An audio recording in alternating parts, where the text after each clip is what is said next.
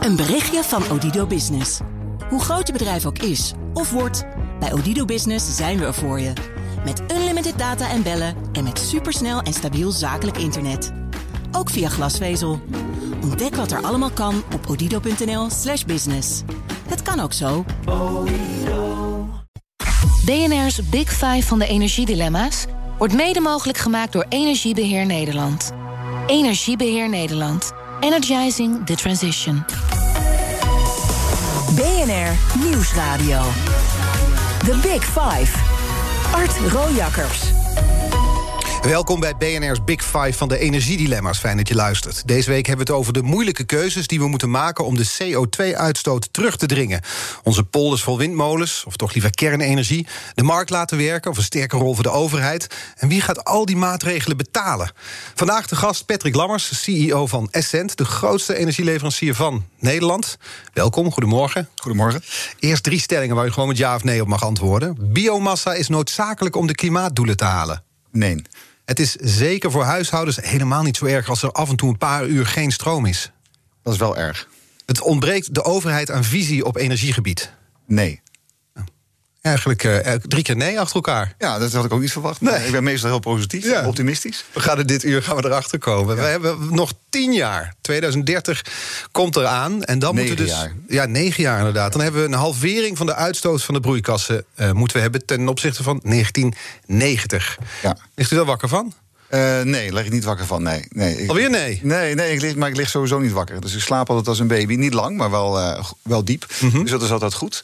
Um, en waarom niet? Omdat er toch veel eigenlijk in beweging is gebracht de laatste jaren. Als je deze vraag gesteld had, zeg maar in 2005, dan had ik daar heel anders naar gekeken, of 2010.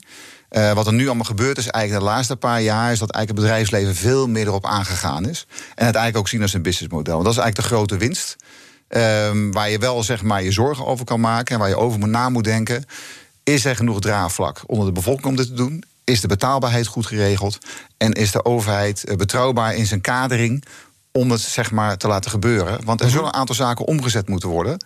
Uh, en verandering is altijd moeilijk en ja. krijgt altijd weerstand. Uh, maar het is ook niet zo dat er een schrikbeeld moet zijn. Nee, maar dus het gaat om drie dingen: draagvlak, betaalbaarheid en een betrouwbare overheid. Daar komen we over te spreken. Afgelopen maandag zat hier Ed Nijpels. We kunnen hem wel de karttrekker achter het klimaatakkoord noemen. Een optimist ook. Hij ziet het wel goed komen. Gisteren hoogleraar Wim Turkenburg. Die is toch ja, wat zorgelijker. Denk niet dat we het gaan halen. Wie van de twee heeft gelijk? Nou, als uh, gegeven de omstandigheden die gecreëerd worden door, door, door overheid, met name wat, wat is de kadering, wat zijn de regels die we inzetten, hoe verdelen we de rekening daarvan? Want het gaat geld kosten. Wij zullen allemaal moeten bijdragen. En allemaal betekent de consument, ja, die nu eigenlijk de grootste eigenlijk last heeft. Uh, maar ook het bedrijfsleven. En we zullen in moeten zetten op nieuwe technologieën. Dan zou je kunnen zeggen, we halen wel, we halen het niet. Als we een paar dingen niet doen, als we draagvlak verliezen, betaalbaarheid te duur uh, wordt. En de kadering van de overheid is niet duidelijk. En die gaat ook te veel heen en weer. Ja, dan gaan we het niet halen. En ik denk dat uh, meneer Nijpels gelijk heeft. Die zegt van joh, we gaan het makkelijk halen. Want als je kijkt eigenlijk naar de opgave die er is. Vergeleken met het Deltaplan. Dan geven we maar een fractie uit aan de energietransitie. Waar we uitgegeven hebben om droge voeten te houden. Dus technologisch kunnen we dit eigenlijk in drie jaar. En financieel ook? Financieel zou echt wel een grote uh, wissel trekken op de economie, maar ook op de huishoudens. Dus het is veel beter om dat uit te spreiden. Maar ook de voordelen daar iedereen aan te laten beleven.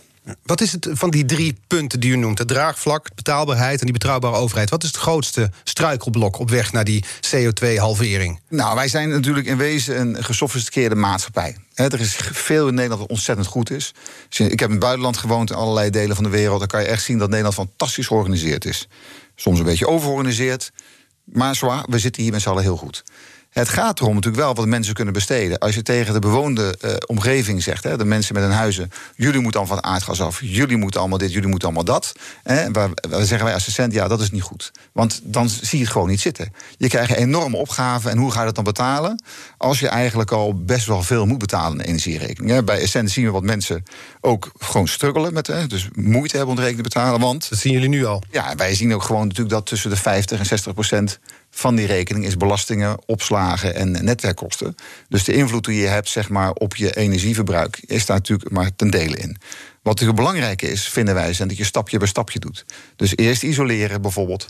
Dan ga je eens kijken naar een warmtepomp. En dan ga je naar gasarm in plaats van gelijk helemaal gasloos. Dan zijn die investeringen te verhapstukken. En de overheid kan eraan bijdragen door subsidies. En dat doen ze ook, maar die moet je langdurig maken. Als het draagvlak wegvalt hiervoor, dan krijg je politieke uitslagen uh, die niet echt gunstig zijn voor, de, voor, voor het milieu. Want, nee, mensen want dan gaan mensen naar partijen toe die denken: ja, ik kan het niet betalen. Precies. Uh, de vakantie Tormelines gaat niet door. Ik vind het wel mooi geweest. Uh, of ik koop liever toch een caravan in plaats dat ik mijn huis isoleer, of zonnepanelen neerleg, of een warmtepomp aanschaffen, dat soort zaken. Terwijl dat natuurlijk net zulke belangrijke zaken zijn. En dat betekent ook, wat in het verleden gebeurd is, de energiebelasting, de O, de E, de SD, allemaal behoorlijke termen. Iedereen kan ze terugvinden op zijn energierekening. Ja, die lagen met name altijd bij de consument. Dus eigenlijk betalen de consumenten tot nu toe te veel aan de energietransitie. Voor een groot gedeelte wel, ja, vinden wij bij Essent. En daarmee verlies je draagvlak. Nou ja, dat is natuurlijk altijd zo. De een zegt we zijn allemaal solidair met elkaar. Maar hoe meer gas je gebruikt als grootverbruiker, die ook het meeste CO2 produceert, en je hoeft geen belasting te betalen. Terwijl jij wel heel veel belasting moet betalen om te stimuleren dat je er verstandig mee omgaat met energie.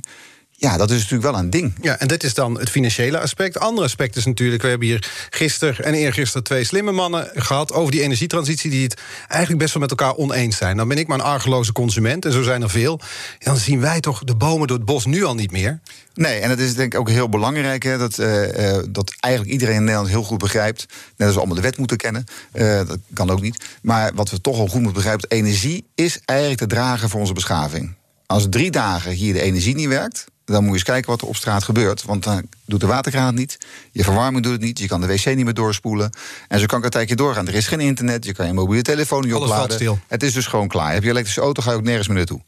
Dus alles valt stil en dan wordt het toch, komt het laagje verdissen vanaf. Dus die energie die heeft ons ook ontzettend veel gebracht. En, en dat is uit de geschiedenis zo. We moeten er naar kijken, dat we iedereen daarin meenemen... om te begrijpen van, die energie doet ook wat aan de aarde. Als het klimaat helemaal verpest is... dan gaat het ook niet zo best met ons als mensheid. Dus dat hebben we elkaar afgesproken, moeten we gaan doen. Als je alleen kijkt naar wat er vandaag is... en probeert dat overeind te houden... en dat naar 2030 en 2050 transplanteert... ja, dan gaat het dus niet gebeuren. Dus er zullen een aantal zaken moeten veranderen.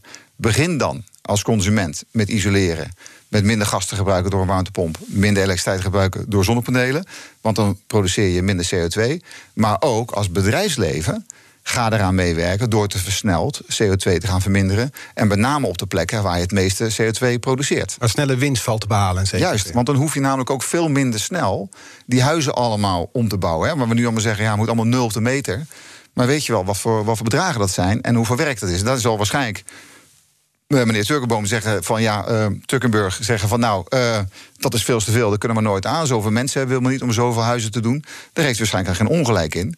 Maar het mes moet ook een aantal kanten snijden bij de energie. Je kan niet alleen zeggen, we doen de bewoonde wereld en de rest doen we niet. We doen alleen maar windmolens en de rest doen we niet. We zullen daar een mix neer moeten leggen die over een aantal jaren uh, zeg maar die 50% en die 100% reductie moet hebben. En daar moet je veel meer gaan nadenken van wat is nou eigenlijk het punt wat we moeten bereiken? Hoe ga ik nou eens terugrekenen? Wat moet ik dan allemaal doen? En wat zijn de grootste hotspots, om zo maar te zeggen, die CO2 produceren om dat eens op te lossen? Ja, dat is helder. Hoe doen wij het eigenlijk? Want jullie horen natuurlijk bij een, bij een Duits bedrijf. U heeft zicht op de internationale markt. Hoe doen wij het hier in Nederland vergeleken met het buitenland? Nou, wij doen het zeg maar uh, op een aantal plekken doen we het heel goed. En een aantal zaken zouden het beter kunnen. Maar bijvoorbeeld waar we het heel goed doen, is denk dat onze infrastructuur is, is behoorlijk goed voor elkaar. Uh, wat ook heel belangrijk is, onze markt functioneert heel goed. En dat heeft ontzettend veel efficiëntie en effectiviteit gebracht. Waardoor bijvoorbeeld de tuinders in Nederland tot 30 tot 35 procent van hun energie bespaard hebben over de jaren. Dat komt alleen maar door marktwerking. Uh, waar je zeg maar, in Duitsland wel uh, een groot voorbeeld hebt, en ook in Scandinavië. Daar ben ik ook verantwoordelijk voor in Scandinavië en, en Zuid-Europa. Als je kijkt naar Scandinavië en in Duitsland, waar je veel kleinschaliger projecten doet. In plaats van hele steden aanpakt, pak je delen van wijken aan. En die doe je op de laatste technologie zetten, met name veel digitaliseren. En zo breng je dan zeg maar uh, warmte bijvoorbeeld aan, uh, kleinschalig gemaakt door City Energy Solutions. Daar zijn ze denk ik in Duitsland en Scandinavië verder als dat wij dat zijn. Omdat wij veel grotere systemen willen bedenken uh, en veel meer socialiseren van dat soort kosten doen. Dat gebeurt daar veel minder. Daar kunnen we nog iets van leren. Ja. ja. The Big Five. Art Rojakkers. Ja, deze week vijf kopstukken over de energiedilemma's. Ed Nijpels, hoogleraar Wim Turkenburg, Frans Timmermans... Marianne Minnesma en vandaag te gast Patrick Lammers... CEO van energieleverancier Essent, die net nog zei... wij gaan dat systeem dus, in het, wat in het buitenland werkt... gaan we hier introduceren. Laten we eens naar de rol van de overheid kijken. We hadden het over die betrouwbare overheid. Doet de overheid op dit moment genoeg in de energietransitie? Ik denk dat de overheid heel veel doet. Uh, Is het genoeg? Uh, of het nu op dit moment genoeg is, um, ja, daar zou je over kunnen debatteren. Ik denk dat ze sneller moeten zijn. En ik denk dat ze langdurige uh, kadering af moeten Waar moeten ze sneller in zijn? Ze zullen sneller moeten zijn in de wetgeving aanpassen, zodat uh, die marktwerking goed zijn werk doen. Ook er nieuwe oplossingen gemaakt kunnen worden. Wat voor wetten zouden er aangepast moeten worden? Nou, de energiewet zou, uh, on, zou onderhanden genomen moeten worden. Dat gebeurt nu ook. Uh, de belastingen zou uh, zeg maar, maar eens aangepast moeten worden. Omdat die een te groot deel maken van de energierekening voor consumenten? Nou, er zijn de toeslagen zijn natuurlijk ook die erin zitten. Die kan je elk jaar aanpassen. Zoals de ODE bijvoorbeeld in november. Uh, daar moet je eens goed over nadenken hoe die eigenlijk veel meer belonen van gedrag. als dat ze bedrag, gedrag bestraffen. dat is dus eigenlijk een beetje wat de overheid vaak doet. die energiebelasting, wordt die nou helemaal uitgegeven, ja of nee? Aan de energietransitie. Dat is ook dat is een vraagteken. Dat is eigenlijk geen vraagteken, dat is niet zo. Daar zou de overheid over na moeten denken.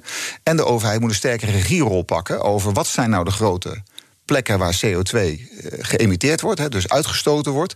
Wat kan ik daaraan doen om dat aan te pakken? En dan zou je kunnen zeggen van. Uh, daar zou met waterstof kunnen werken. En in de bewoonde uh, omgeving, dus voor een consument gewoon, Maak nou eens heel duidelijk van... dit is de subsidie die ik geef op isolatie en die duurt zo lang. Dit is wat ik doe voor warmtepompen en die duurt zo lang. En die kunnen best wel eens een keer een kabinetsperiode overstijgen... zodat je tijd wint om mensen in te laten stappen. U heeft eens gezegd, er moet een rijksvisie uh, komen. Ja. Wat is dat eigenlijk? Nou ja, als je een, een, een, visie hebt van een regering die vastgelegd wordt op Prinsjesdag... en dan elk jaar weer opnieuw gaat, dan kan die nog wel eens een beetje heen en weer gaan. We hebben ook een visie gehad op de waterhuishouding in Nederland. En die hebben we uitgevoerd op wereldklasse niveau. En het zou in Nederland enorm helpen en naar mijn smaak enorm voorwaarts brengen in, in de hele wereld. Als we een rijksvisie hebben op onze energie en hoe we die aangepakken. En wat dat zou helpen is dat we dus niet afhankelijk zijn van verkiezingen elke vier jaar, maar dat we neerleggen: dit is wat we willen in die energietransitie. Ja, en daarmee kom ik ook terug om dit, dit echt, net als dat wij dijken moeten hebben in Nederland, is ook energie enorm belangrijk voor onze maatschappij. Als we dat niet op eenzelfde manier gaan zien, maar denken van nou, dat komt wel goed en uh, we doen allemaal maar een beetje. Ja, dan gaat dat niet vanzelf goed komen. Omdat we een hele grote transitie gaan maken van aardgas naar iets anders. En er zijn meerdere bronnen zijn het voor. Hè. Als je teruggaat, ik, ik, ben nog uh, oud, ik ben oud genoeg om te weten dat mijn moeder nog een kolenkachel had. Uh, uh, waar wij de glaasjes had van braken. Als we weer aan het vechten waren met mijn broers. Ja. Zo gaat dat. Um, daar gingen wij ineens ook allemaal over op gas. Dus het kan met andere woorden, we kunnen een transitie maken. Dat kan transitie maken. Daar was een visie zat erachter. En heel Nederland ging aan het gas. En dat is ook gebeurd in een aantal jaar. Mm -hmm. En waarom kan je dat niet doen met iets anders nu? Daar is gewoon een afspraak over maken. En dan zeg je, joh, uh, zoveel procent van de huizen hebben we geïsoleerd. Zoveel procent is gasarm geworden. Ja. Zoveel zonnepanelen liggen. Er is bijvoorbeeld 125.000 uh, voetbalvelden groot oppervlakte aan daken beschikbaar. Nou, ga daar eens een Leg programma zonnepanelen op, bijvoorbeeld. Ja, ga er eens een programma van maken. Ja, maar die rijksvisie, als dat er moet komen... dat betekent eigenlijk ook dat er nu een gebrek aan visie is. Ik denk dat er nu wel visie is. En op heel veel zaken moet ik ook... dat bedoel ik dus ook met hoe Nederland, hoe goed Nederland georganiseerd is... Daar wordt ook naar geluisterd, naar, naar geluiden buiten de ministeries. Die ministeries pakken dat op. Maar er zit, eh, als je een visie hebt die zeg maar, de ministeries overstijgt... Hè, dus die is goed voor EZK, dus ook goed voor het ministerie van Financiën... en die wordt geleid zeg maar, door, door, een, door een commissie, of hoe je het ook wil noemen dan overstijgt dat en moet iedereen eraan meewerken. En is de horizon ook verder weg? De horizon is verder weg, maar je weet wel welke stappen je moet nemen als je terugrekent naar wat toe moet. Ja. Wat er nu vaak gebeurt, is dat EZK heeft een beleid. Maar minister, ministerie van Financiën wil natuurlijk gewoon wel dat het geld binnenkomt en verdeelt dat op een andere manier. Als er een rijksvisie is, is dat heel duidelijk waar het aan besteed wordt, is het geallokeerd en kunnen we er allemaal van uitgaan dat het ook gaat gebeuren en kan je dus ook op gaan investeren. Ja, en daarom pleit u voor een rijksvisie. Overheid, ja. pak die energietransitie breder aan dan nu gebeurt. Ja, en, en eigenlijk ook wel een strakke kader zetten. Nou, nu hebben we het over de overheid, maar ja, als grootste energieleverancier heeft u, nou niet persoonlijk, maar als CEO heeft u er ook een verantwoordelijkheid. Doen jullie genoeg? Nou, ik, zo voel ik me wel dat ik daar een verantwoordelijk voor heb, overigens. Dus dat is wel mijn convictie om, om ook bij bedrijf te zijn en het verschil te maken. Als Ascent zijn we elke dag bezig. We hebben, ten eerste hebben we drie merken. We hebben dus Energie Direct, uh, No Frills, Ascent voor zorg en, en, en, dat je er niet over na hoeft te denken. En we hebben Van den Bron, als je heel diep groen bent, dat je kan allokeren van ik wil stroom van die uh, hebben. Kleinschalig, maar toch, je kan er gelijk aan mee. Super voor draagvlak. Wij doen elke dag een stapje. Dus niet wachten. Wij doen elke dag een huis isoleren, meerdere. Elke dag leggen we echt honderden zonnepanelen. Elke dag zijn we bezig met HR-ketels of met warmtepompen. Zo zijn wij bezig om te zorgen dat we daaraan bijdragen. En wij zijn er ook van om elke dag wat te doen en niet te wachten maar gewoon nu al wat te doen. Ja, maar toch werd uw bedrijf eh, een paar jaar geleden nog... tot het meest vervuilende energiebedrijf van Nederland uitgeroepen... volgens de Consumentenbond en een paar milieuorganisaties. Ja, dat is natuurlijk hartstikke leuk als men dat zegt. En uh, omdat ze dan zeiden niet van dat onze klanten allemaal grijze energie gebruiken... want eigenlijk al onze klanten staan ongeveer op groen... Uh, dat had er meer mee te maken van dat onze moedermaatschappij, dus toen de tijd RWE, die had een aantal kolencentrales en bruinkoolcentrales. Ja, daar hadden wij niets mee te maken. Wij waren in financiële deelneming. Uh, dus maar ja, ja, wordt er dan wel op Wordt er wel bij geteld, ja, dat is weinig aan te doen. Ja, dat was vier jaar geleden. Hoeveel zijn jullie gestegen sindsdien? Uh, volgens mij, ja, ik voor een aantal plekken, maar ik weet niet uit mijn hoofd waar we nu staan. Maar we zijn uh, in ieder geval niet meer in het slechtste schoolbankje. Nee. Want dat is natuurlijk vervelend. Als je als CEO van een bedrijf elke dag stappen probeert te zetten. en elke dag zonnepanelen legt en iets probeert te doen. en tegelijkertijd zo'n etiket dan opgeplakt krijgt. Ja, dat is, ja, maar er zijn heel veel dingen niet leuk, weet je wel. Maar als wij maar zelf weten waar we bezig zijn. Als ik, mij is het al belangrijk dat mijn klanten blij zijn.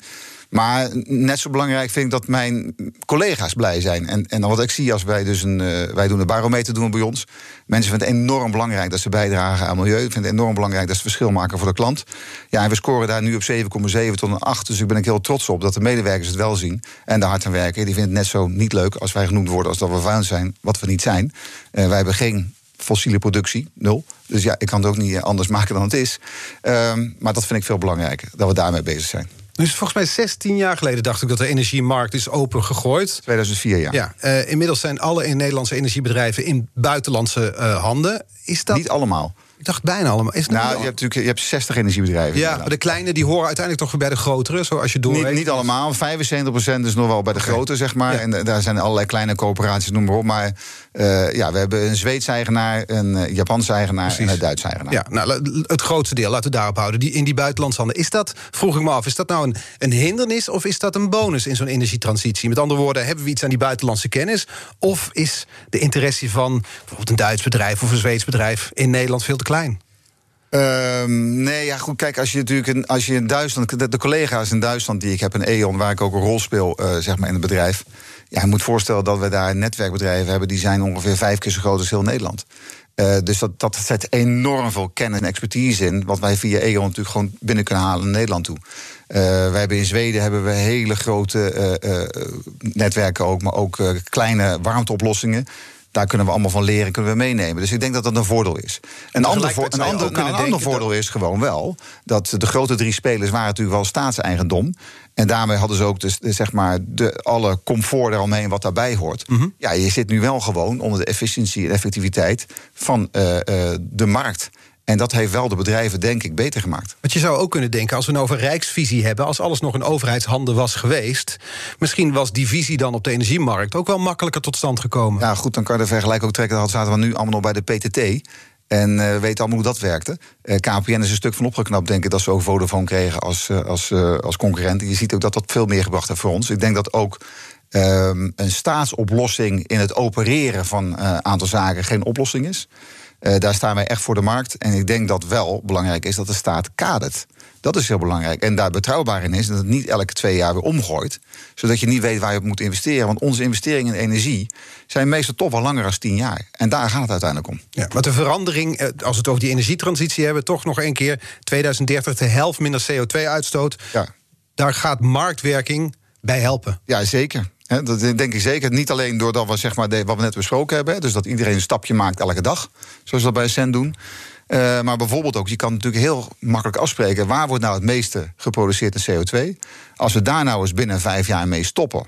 en dan iets anders voor gaan doen, bijvoorbeeld een waterstofbeurs uh, op gaan zetten... of dat soort zaken, uh, dan zie je dat de marktwerking heel snel een markt... zoals wij noemen, liquide maakt. Dan komt er aanbod en vraag. En dan zal je ook zien dat er dus wat gaat veranderen. maar als je de grootste plekken in Nederland die zijn goed aan te wijzen waar CO2 geproduceerd wordt. Als je daarop gaat reduceren, ja, dan haal je eigenlijk 2030 niet zo heel moeilijk. Dan wordt het eigenlijk 20 jaar later en na, naar 2050, dan doe je de laatste stukken. En het laatste gedeelte is altijd veel moeilijker als het eerste gedeelte. Ja, dat is met alles zo, hè? Ook ja. de marathon lopen. Ja. ja dat heb ik nooit gedaan. Het schijnt zo te zijn. Ja. Ik één keer, ik doe het nooit meer. Ja, dat hoor ik ook vaak. maar we gebruiken natuurlijk met z'n allen, we hebben het over die energie als basisbehoefte. We gebruiken steeds meer elektriciteit. Elektrische auto's, fietsen, koken op inductie, uh, cv-ketel die plaats moet maken voor een warmtepomp. Dus we worden ook steeds afhankelijker van uh, energie. Uh, dat vraagt ook iets van een energieleverancier. Wat, wat, baart u daarbij zorgen? Nou, ik heb, ik heb niet zoveel zorgen over. We waren altijd al uh, afhankelijk van energie. Of het nou elektriciteit of gas is. Want uh, die omschakeling komt wel van benzine naar elektrisch rijden. En dat soort zaken. Wat we wel moeten in de gaten houden... is dat we natuurlijk ten eerste een goed netwerk hebben. En ik denk dat de, de netwerkcollega's... die dit ook volgens mij hier sponsoren... dat goed voor elkaar hebben voor nu. Ik denk wel dat daar ook een stuk marktwerking naar gekeken moet worden. Met name van wanneer laat ik mijn auto op en wanneer niet. Doe ik dan aan dat is technisch woord congestiemanagement. Net als je kan ook file krijgen op het netwerk. Hè, te veel elektronen achter elkaar. Als allemaal tegelijkertijd Als allemaal tegelijk, ja, dan wordt het natuurlijk een moeilijk verhaal. Maar dat, dat is natuurlijk nu ook op te lossen. Waar je heel lang geleden moest je daar je centrale uh, controlekamer voor ergens staan in Nederland. Dat heb je nog wel uh, bij Tenet voor het hoogspanningsnet. Maar ook daar, Tenet is daar heel slim in. Die zet ook uit van, joh, hier gaat te veel stroom naartoe. Ik wil dat daar wat meer daar afgenomen wordt. Die gaat dat inprijzen. En als je inprijst, dan worden mensen heel snel worden mensen actief. Ook als je bedrijven bent. En dat moet eigenlijk nog gebeuren, die bedrijven wat actiever worden. Zodat ze ook een rol kunnen spelen, met name in de netwerkbeheerders om die congestie op te lossen. Dan hoef je ook niet zo heel veel te investeren. Zometeen praten we verder. Dan praten we verder met uh, Essent CEO Patrick Lammers. Bijvoorbeeld over de vraag wie de energietransitie nou eigenlijk moet betalen. BNR Nieuwsradio. The Big Five. Art Rojakkers. Welkom bij het tweede halfuur van BNR's Big Five. Deze week vijf kopstukken over de energiedilemma's. Ed Nijpels, hoogleraar Wim Turkenburg... Frans Timmermans, Marianne Minnesma, Marjan Minnesma... en vandaag Patrick Lammers, CEO van energieleverancier Essent. En onze vragen hier eh, stellen elkaar... of de gasten stellen elkaar vragen via de kettingvraag. De vorige aflevering was hier energiedeskundige... en emeritus hoogleraar aan de Universiteit Utrecht... Wim Turkenburg te gast.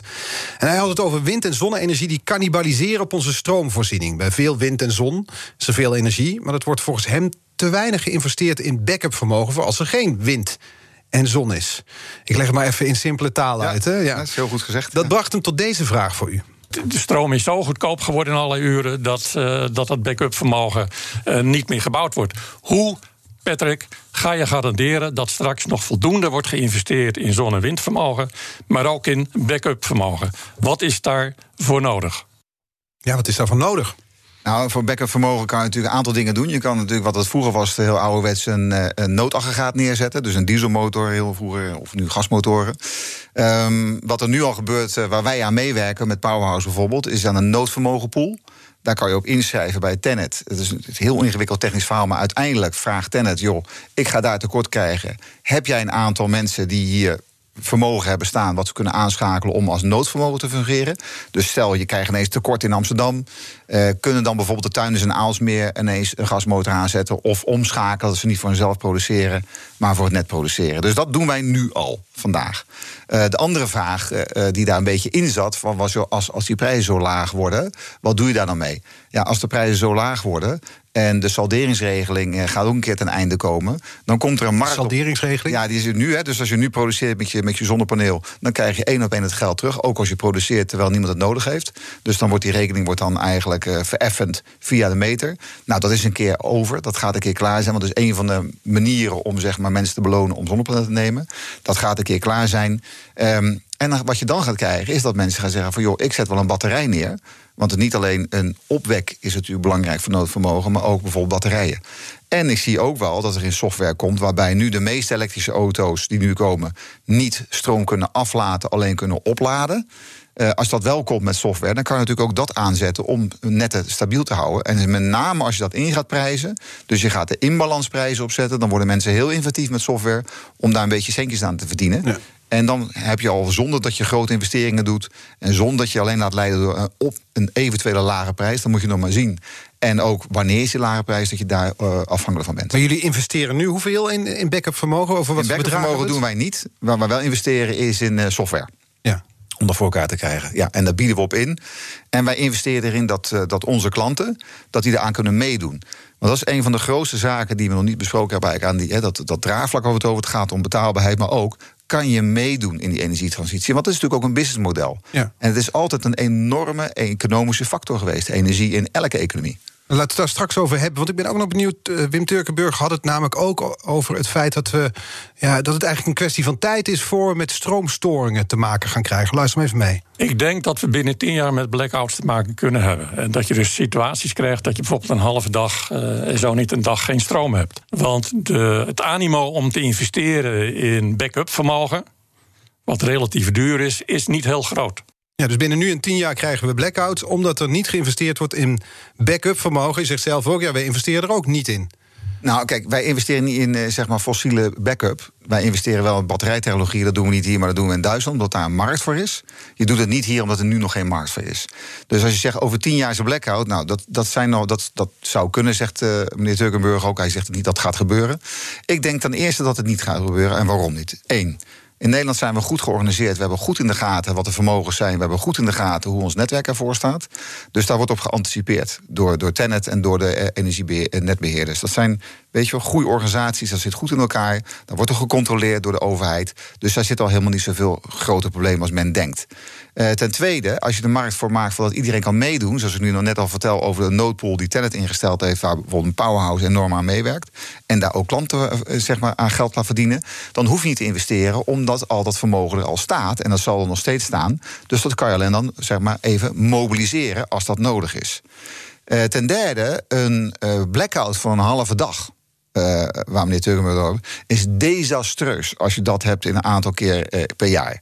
Ja, dan schaaf, we ons daarop je zomaar, Dan schaaf je zomaar een anderhalf procent van je economie... schaaf je er zomaar vanaf. Nou, dan weten we allemaal... En dus zegt Turkenburg, investeer in dat backup vermogen. Ja, maar ik heb net uitgelegd dat dat niet hoeft. Hè. Je kan ook zeg maar, nog balanceren op het net wat we hebben. Je kan ook nog steeds balanceren door iedereen aan mee laten doen... die wat opwek heeft staan. En uh, ten tweede is het, uh, als je dat zou laten gebeuren... stel dat we niet meer opletten... Um, in, een, in, een, in, een, grijs verleden heb ik uh, voor Shell gewerkt. En dan deden wij powerplants opzetten in zeg maar, uh, wat moeilijke gebieden.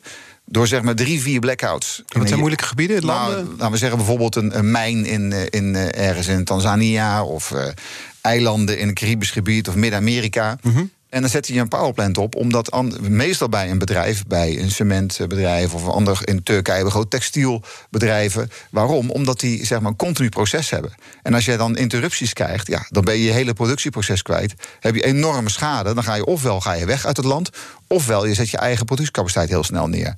Dus ook daar komt wel een oplossing, maar je wilt het helemaal niet meemaken. Want, en ik denk dat het ook niet nodig is, omdat we daar veel te goede controle op hebben. We hoeven ons daar niet zorgen om te maken dat het in Nederland gaat gebeuren. Nee, je moet ook niet nonchalant zijn en zeggen het gaat niet gebeuren dus doe mijn ogen en mijn oren dicht. Daar heeft Turkenburg natuurlijk gewoon gelijk in. Je moet daar met name op gaan inspelen door te zorgen dat ook het, het lokale netwerk. Hè, je hebt dus Tenet voor de hoogspanning en midden- en laagspanning is zeg maar uh, uh, Stedin en uh, Aliander en, en, en al die bedrijven dat je daarna kijkt, dat je dat ook wat dynamischer maakt dan dat het nu is. Als je daar ook marktwerking op zet, je laat er ook congestiepricing in komen. Ik denk dat je dan heel veel oplost. Voordat je enorme bedragen moet gaan uitvorken, wat iets wat misschien nooit gaat gebeuren. Nee. Maar is het niet een, een, een probleem? Want we, dat, dat is eigenlijk ook wat er achter de vraag van Turkenburg zit. We zetten nu hard in op zonne-energie en op windenergie. En terecht. Ja, zetten we daar niet te hard op in? Nee, nee, het is denk ik wel een, een, een drukke markt geworden. En dat is goed. Dat is goed voor ons allemaal. Want daarmee krijg je concurrentie. En dus zie je ook dat het ministerie van EZK in de laatste tenders hebben zij voor offshore wind, hè, dus eh, wind op zee, hebben zij geen subsidie hoeven geven. En ten tweede kunnen ze nu concessiegeld vragen over waar je een paal neerzet. Want die zeebodem is net zo goed voor u als voor mij, als voor een andere burger. Moet men ook betalen. En terecht. Dat is eigenlijk, eigenlijk een beetje hetzelfde wat we met de gasvelden gedaan hebben. Begrijp ik. Maar ik denk dan toch bij zonne- en windenergie. Ja, misschien is het te simpel gedacht, maar het lijkt me een groot probleem dat je alleen stroom hebt bij zon en bij wind. Turkenburg had het er bijvoorbeeld over gisteren. zei het kan wel eens tien dagen niet waaien op de Noordzee. Het is natuurlijk niet zo stabiel als zo'n vervuilende nee. kolencentrale. Nou, die, en die, we hebben nog steeds vervuilende kolencentrales, natuurlijk een aantal. We hebben ook een heel aantal gascentrales staan. We hebben ook een heel aantal gasmotoren staan. Uh, en je moet natuurlijk over tijd daarna gaan kijken... wat is de balans die we nodig hebben om die backup te houden. Wat is die balans? En, en nou, die balans zou je moeten uitrekenen... van wat kan je überhaupt uh, niet meer hebben als tien dagen dat gebeurt. Wat gebeurt er dan precies? Wat hebben we nodig? We hebben wind nodig, zon nodig. Hebben we kolen nog nodig? Kolen heb je niet meer nodig, nee. Hebben we nog gas nodig? Gas voorlopig wel, ja. Biomassa? Uh, biomassa, dat zou je natuurlijk. Dan is even de vraag: wat is biomassa? Ja. Want de meeste mensen denken misschien nu uh, dat is een composthoop. Of mensen denken dat is een beetje snoeihout. Uh, maar er zijn maar weinig mensen die weten dat er natuurlijk hele, hele veel. Kaplossen staan in Oost-Europa. Ja, dat bedoel ik. En, en houtpellets gemaakt worden die ingevoerd worden. En dat het ook met name een statistisch verhaal natuurlijk is. Want als ik dan zoveel produceer, kan ik zoveel van mijn CO2-balans afhalen. Maar daadwerkelijk zeer. Beetje de administratieve werkelijkheid, die biomassa. Nou, dat is natuurlijk wel wat er aan de hand is. En dat wordt overigens dat is natuurlijk heel inefficiënt. En dat wordt betaald met name door uh, de consument. Ja, dus biomassa strepen we ook weg. Dus wat we nou, overhouden... strepen we niet, niet weg. Ik denk niet dat je het helemaal weg kan strepen. Maar je zal wel moeten balanceren. Maar je zal moeten gaan kijken ook... wat zijn de interconnecties met België, met Duitsland... met Engeland, met Denemarken, met Noorwegen. Ja, Want daar, wat we, wat we als je daar dus rond de Noordzee kijkt... als je rond ja? de Noordzee kijkt... als we daar goede interconnecties hebben met elkaar... ook Noord-Duitsland naar Zuid-Duitsland... die connectie wordt nu gebouwd... dan kan je daar veel meer balanceren als dat we nu alleen zouden kijken naar, naar Nederland een eilandmodus. Want Ja, Nederland is geen eiland. Dan hebben we dus, we hebben even geen wind op de Noordzee, maar die is er wel in het Duitse gedeelte van Ja, de of Noordzee. in de Duitse bocht, of in de Oostzee, eh, of er is heel veel zon in Bijen, of er waait wel in Wales. Eh, Dat heb je dus nu al. Dus we moeten zorgen dat die economische markt ook op peil blijft. Eh, omdat dat is het grootste gevaar. Als we denken dat we het alleen op onszelf kunnen doen, is dat natuurlijk niet zo. Nederland is geen eiland. En vandaar dus, we hadden het al over de energiebedrijven die in handen zijn van buitenlandse bedrijven. Dat is in dit geval een voordeel. We, we hadden een, een opsomming waar we het maken. Zonne-energie, ja. Windenergie, ja. Kolencentrales, Nee. ja. nee. Gas, voorlopig nog wel. Ja. Eh, we hadden het over biomassa, ook weinig enthousiasme proeven Nou, bij er moet een, een balans gevonden worden daar. Eén ding hebben we nog niet genoemd, kernenergie. Ja. Ja, kernenergie. We hebben natuurlijk Borstel staan, die, die is op behoorlijk op leeftijd. We hebben natuurlijk twee in België staan, ehm, waarbij die ook behoorlijk op leeftijd zijn. En, en laten we dan ook maar gewoon even zeggen zoals het is. Eh, ik heb een dochter van 15. Eh, kreeg toch een aantal, twee jaar geleden jodiumpillen opgestuurd... voor als in geval van een kernongeluk. Nou, daar word je niet zo heel erg eh, rustig van, weet je wel. Nee, maar dan blijkt aan de andere kant, dit Dus- aan de de andere kant zie je ook dus nog, statistisch gezien toch behoorlijk veilig te zijn. Ja, statistisch blijkt dat zo, totdat je het meemaakt. En de andere kant is nog een keer veel belangrijker. Is, want er wordt gezegd, zoveel cent per kilowattuur gaan we het dan voor doen. Ik weet niet hoe lang zal het bouwen zijn in Finland, maar hij is nog steeds niet af. Ik weet niet hoe lang zal het bouwen zijn in Hinkley Point... en, en hoeveel miljarden daar al bij moesten.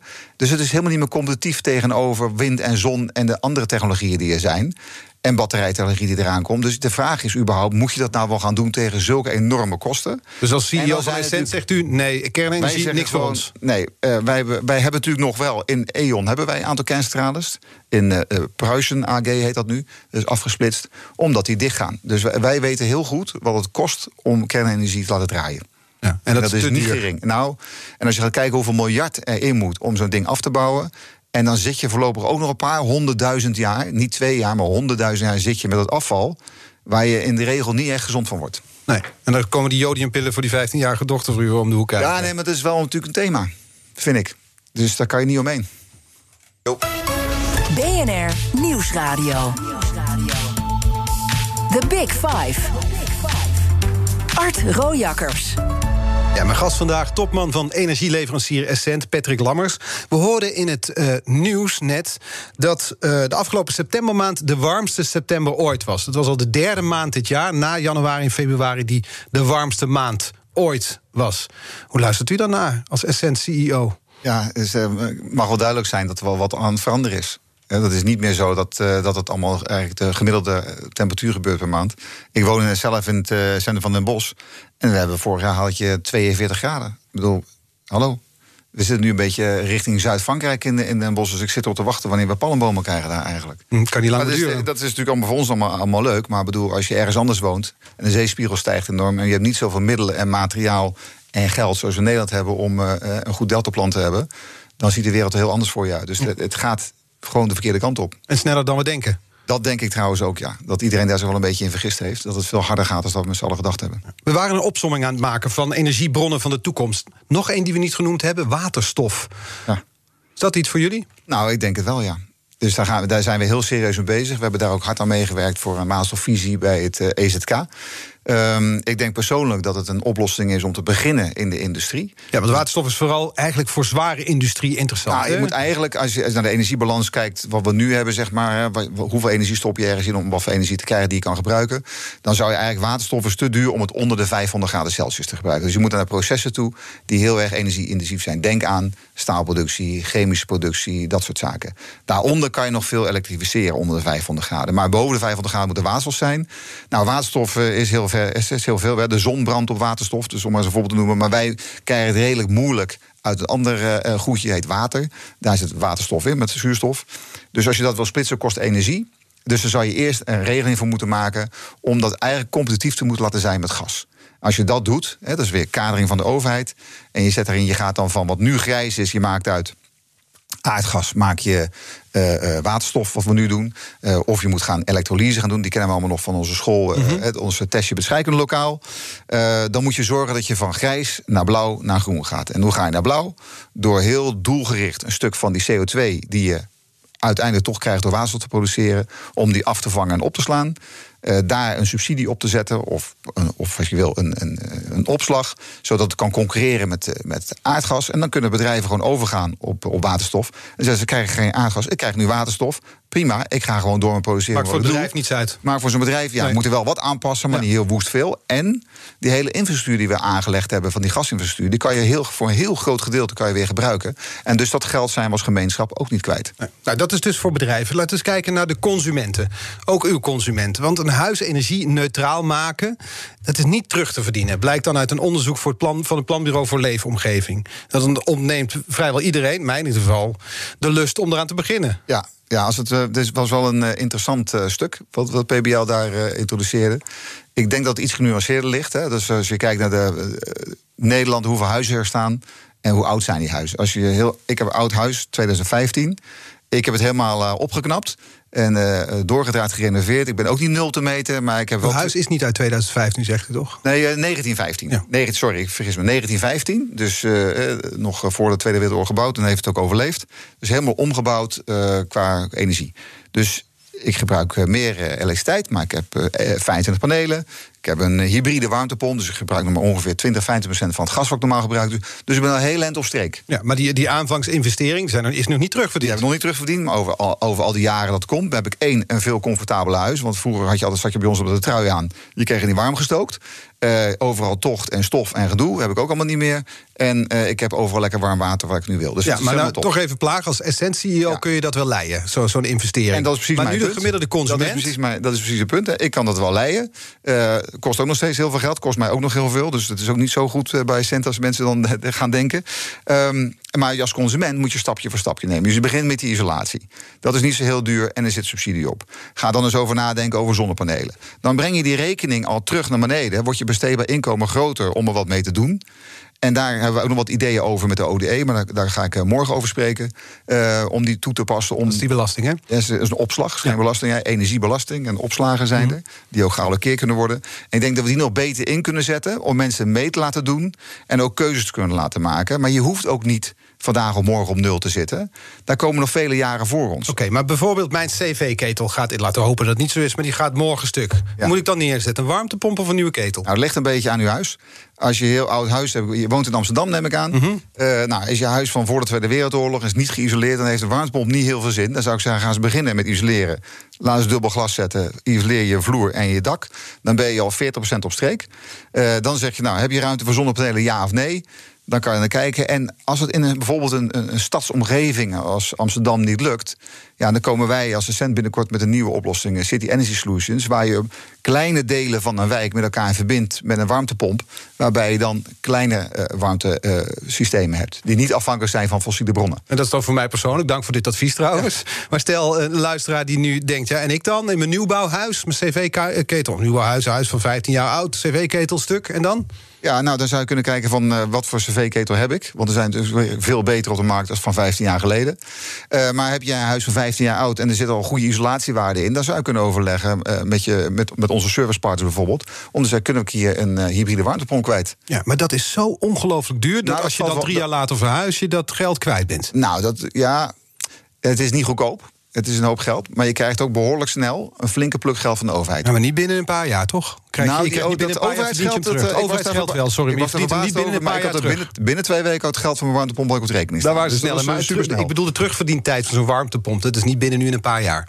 Dat is niet binnen nu en twee jaar, maar wel binnen zeg maar zeven tot tien jaar. En dat, zo denk je ook na over je HR-ketel die je hebt hangen waarschijnlijk. Dan zeg je ook niet van die moet volgend jaar terugverdiend zijn, want die verdien je helemaal niet terug. Nee. Je kan wel kijken naar je isolatie die je dan toepast. Heb je een huis van 15 jaar oud, kan makkelijk zijn dat je misschien je dak nog niet geïsoleerd is of je vloer niet. Als je dat er nog bij doet, dan kom je ineens heel erg in de buurt.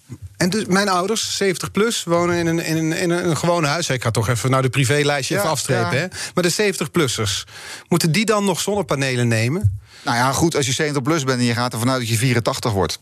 Dan verdien je het wel weer terug. Dan verdien je nog terug. Mijn moeder is 85, die is er ook, die is redelijk. En die zegt, nou, dat ga ik allemaal niet doen, want ik ga toch binnenkort dood. Dus eh, ik doe het niet meer. en het dat snap ik ook wel. Ja, Ja. zoek het lekker uit. Ja. Eh, maar die is dan, wel, eh, die is dan wel lid van de cent. Die is geen klant, maar die is lid bij ons namelijk dan. Mm, Maar dat, dus het is, je moet het eigenlijk per consument bekijken. Ja, Je, je moet het per geval per moet je bekijken. Moet je kijken maar Halen we zo die transitie wel, als we dat doen? Als we zulk maatwerk leveren? Door elke dag een stapje te zetten, door elke dag wat te doen. We hebben nog maar negen jaar. We hebben nog maar negen jaar en een paar maanden, dat klopt. Maar ik zeg ook niet, je gaat niet energietransitie halen... door eh, tussen nu en negen jaar iedereen nul op de meter te laten hebben. Uh, ik denk dat Marian Minnesma daar wat anders over gaat vertellen vrijdag. Dat is trouwens ook interessant wat zij zegt. Ik geloof wel dat het best in lijn is met wat ik gezegd heb over gasarm zijn. Maar kijk nu eerst naar die industrie die ik, waar je ze met veel aardgas kan vervangen. Uh, steenkolencentrales die worden ook afgeschakeld naar die tijd toe. Dan produceren we veel minder CO2. Dan zijn we daar al wat we moeten bereiken voor het Parijsakkoord. En dan hebben we nog twintig jaar erna om nog uh, de rest te doen. En dan, weet je, dan hebben we wel genoeg tijd. Ja. En toch, als ik dan naar u luister en ik geloof naar de, de, de, de, de kennis, ik geloof de, de, de inzichten. Maar ik denk toch, de gemiddelde consument, daar is het, is gewoon een ingewikkeld verhaal. Het is, het is een ingewikkeld verhaal. Het is, er wordt ook heel veel over gesproken. Eh, met verschillende richtingen. Eh, de dus overheid. waar, waar moet ik dan naar luisteren? Nou ja, stel nou wat we het over hadden, over draagvlak, betaalbaarheid en de overheid. Dus naar kijken van als het nou betaalbaar is. Dus je ziet waar je geld naartoe gaat en wat ermee gedaan wordt. En je wordt er beter van. Dan krijg je draagvlak. Dus dat is hartstikke mooi. Gaat iedereen meedoen, ook bedrijven, alstublieft. En de overheid is heel duidelijk waar het naartoe gaat. Wat er op welke manier gebeurt. Welke stappen genomen worden. Stap voor stap voor stap voor stap. En dan heeft iedereen perspectief. Zodra er geen perspectief is en er is meer onzekerheid. en het eten in je portemonnee. Want laten we eerlijk zijn, voor Jan Modaal. Uh, is het gewoon 8% van zijn netto bestemde inkomen gaat op energie. Dat is een maandsalaris, dus de dertiende maand of het vakantiegeld gaat eraan. Alleen de energierekening, waarvan 60% eigenlijk eh, belasting en andere heffingen zijn. Ja, dan word je niet vrolijk van. Dus laten we daar nou eens een beetje perspectief op geven.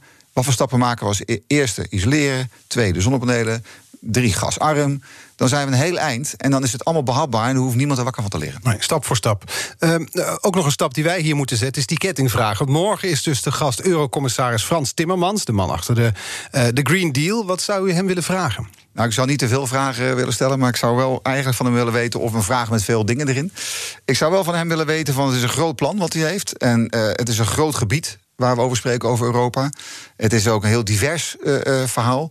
Dus ik zou graag van hem willen weten wat zijn de eerste twee grote stappen die hij maakt, waarbij die hele Green Deal in vaart gezet wordt. En op zo'n manier dat hij niet meer te stoppen is. Want we hadden het er al eerder over. De eerste stappen die zijn belangrijk. Je moet goed uh, kijken waar de meeste winst te behalen is. Nou, ik denk wel, als, als je Frans uh, Timmermans hoort, die natuurlijk heel enthousiast is over het klimaat. Ook daar een aantal mensen om zich heen verzameld hebben die dat ook zijn. Grote collectieve zaken, die, die slaan niet meer aan. Dus wat zijn de eerste twee stappen die hij doet om het mogelijk te maken dat de Green Deal vaart krijgt? We gaan het hem uh, morgen vragen. Dank voor de komst, Patrick Langers, CEO van energieleverancier Essent. Uh, deze aflevering is straks terug te luisteren. Net als alle afleveringen van BNR's Big Five natuurlijk. De podcast is te vinden in de BNR-app en op bnr.nl. Morgen dus de gast Eurocommissaris Frans Timmermans. Maar nu op deze zender Jurgen Rijman met Ask Me Anything. Tot morgen. BNR's Big Five van de energiedilemma's wordt mede mogelijk gemaakt door Energiebeheer Nederland. Energiebeheer Nederland. Energizing the transition. Een berichtje van Odido Business. Hoe groot je bedrijf ook is of wordt, bij Odido Business zijn we er voor je. Met unlimited data en bellen en met supersnel en stabiel zakelijk internet. Ook via glasvezel. Ontdek wat er allemaal kan op odido.nl/slash business. Het kan ook zo.